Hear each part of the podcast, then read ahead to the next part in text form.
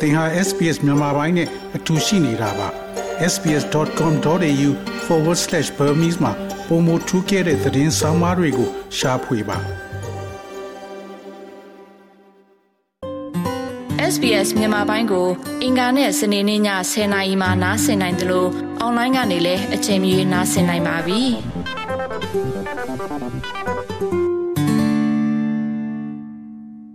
တော်ရရှိမြခင် အောက်တိုဘာလ14ရက်မှာလူထုစန္ဒခိုင်ပွဲကျင်းပတဲ့အခါမိမိရဲ့အဖြစ်အရေးပေါအောင်ဘလို့လုပ်မလဲဆိုတဲ့ဆောင်းပါးကိုတင်ဆက်ပေးမှာဖြစ်ပါတယ်။ဌာနေတိုင်းသားတွေကိုဩစတြေးလျမှာပထမဆုံးအခြေချနေထိုင်သူတွေဖြစ်ဖွဲ့စည်းအုပ်ချုပ်ပုံအခြေခံဥပဒေထဲသတ်မှတ်နိုင်ရေးနဲ့ဌာနေတိုင်းသားတွေကိုကိုစားပြုပေးမဲ့ကိုယ်စားလှယ်အဖွဲ့ Voice to Parliament ကိုလွှတ်တော်မှာအမြဲတမ်းထားရှိရေးအတွက်လူထုစန္ဒခံယူပွဲ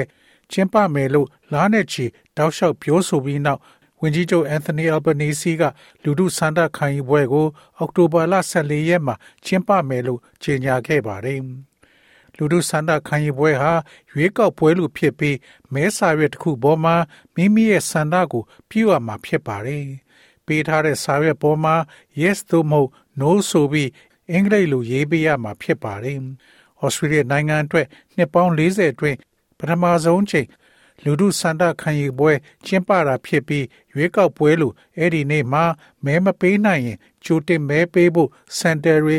ဖွင့်ပေးမှာဖြစ်သလိုစာတိုင်းကနေတဆင့်မဲပေးဖို့နဲ့သက်ကြီးစန်တယ်ရီအထိရွေးကောက်ပွဲကော်မရှင်ကလူတွေသွားရောက်ပြီးသက်ကြီးတွေမဲပေးနိုင်အောင်ဆောင်ရွက်ပေးမှာဖြစ်ပါတယ်။ပြည်ပမှာရောက်နေတဲ့ဩစတြေးလျနိုင်ငံသားတွေလည်းမဲပေးနိုင်အောင်စီစဉ်ပေးမှာဖြစ်ပါတယ်။ ကြိုတင်မဲကိုနှစ်ပတ်ကြာဖွင့်လှစ်ပေးမှဖြစ်ပြီးဝေးလံခေါင်တည်တဲ့နေဒေသတွေအတွက်ကြိုတင်မဲကို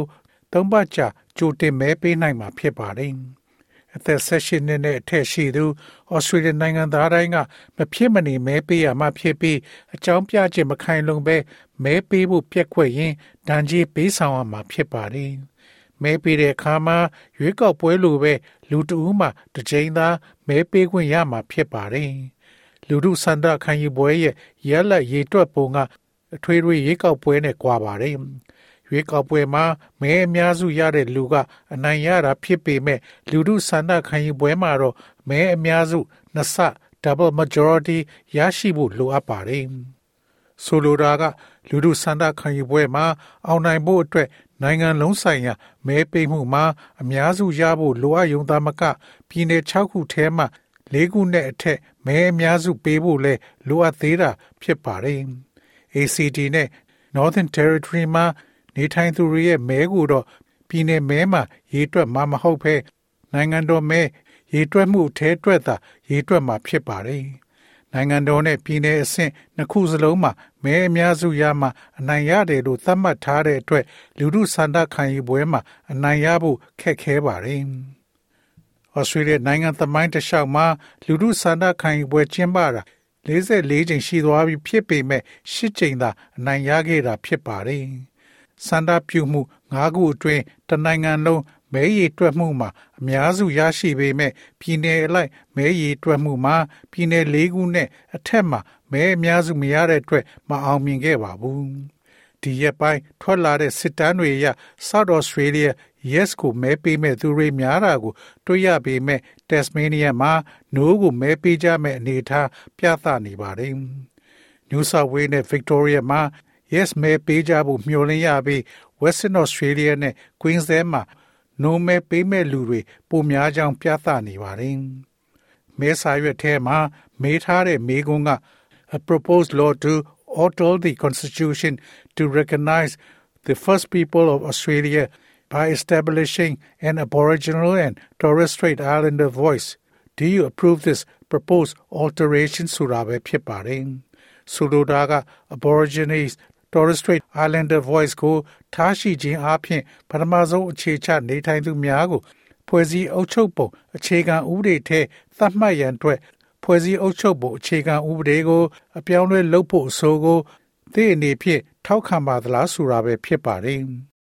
အဲ့ဒီမေကွန်ကိုကြည့်ပြီးမိမိအနေဖြင့်ထောက်ခံသည် yes သို့မဟုတ်မထောက်ခံပါ no ဆိုပြီးအင်္ဂလိပ်လိုရေးထည့်ပေးရမှာဖြစ်ပါတယ်။ Yes Campaign အုပ်စုတွေကတော့ဌာနေတိုင်းသားတွေကိုဖွဲ့စည်းပုံအခြေခံဥပဒေထက်အသိမှတ်ပြုပေးရရောက်သလိုဌာနေတိုင်းသားအရေးနဲ့ပတ်သက်တဲ့ policy တွေကို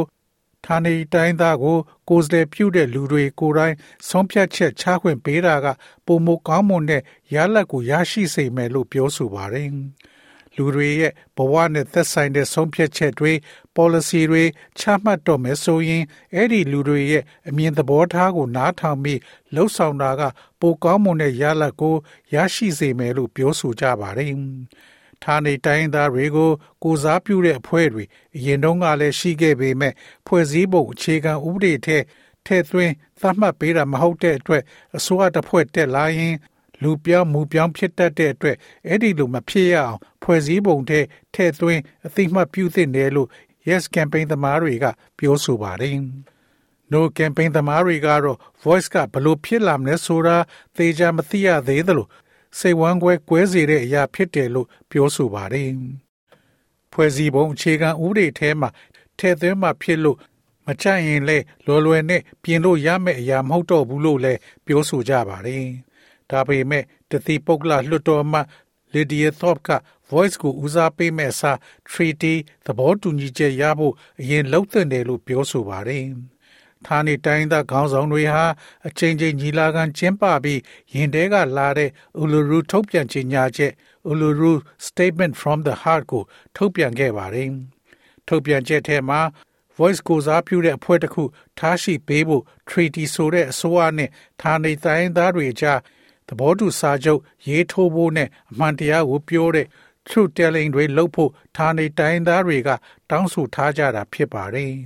ဝန်ကြီးချုပ်အန်သိုနီအယ်ဘနီစီက Labor Party အနေနဲ့ရင်ထဲက Uluru ထုတ်ပြန်ကြေညာချက်ပါတောင်းဆိုချက်တွေကိုအကောင့်တွေဖော်ပေးဖို့ဆန္ဒရှိတဲ့အကြောင်းပြောဆိုခဲ့ပါတယ်။ Australian အများစုဟာလည်းအဲ့ဒီသဘောထားတိုင်းရှိမရှိကို အောက်တိုဘာလ14ရက်နေ့ကျရင်ဆန္ဒပြုကြမှာဖြစ်ပါတယ်။တော်ရရှိမြခင်ဗျာ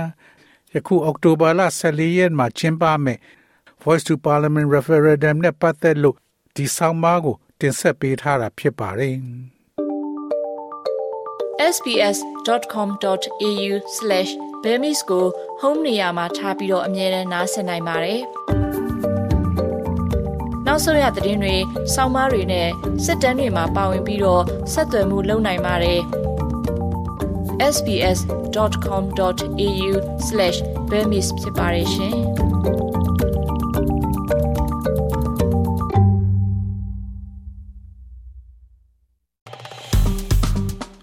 SPS မြန်မာပိုင်းကို Facebook ပေါ်မှာ like ရှာပြီး like မျှဝေမှတ်ချက်ပေးပါ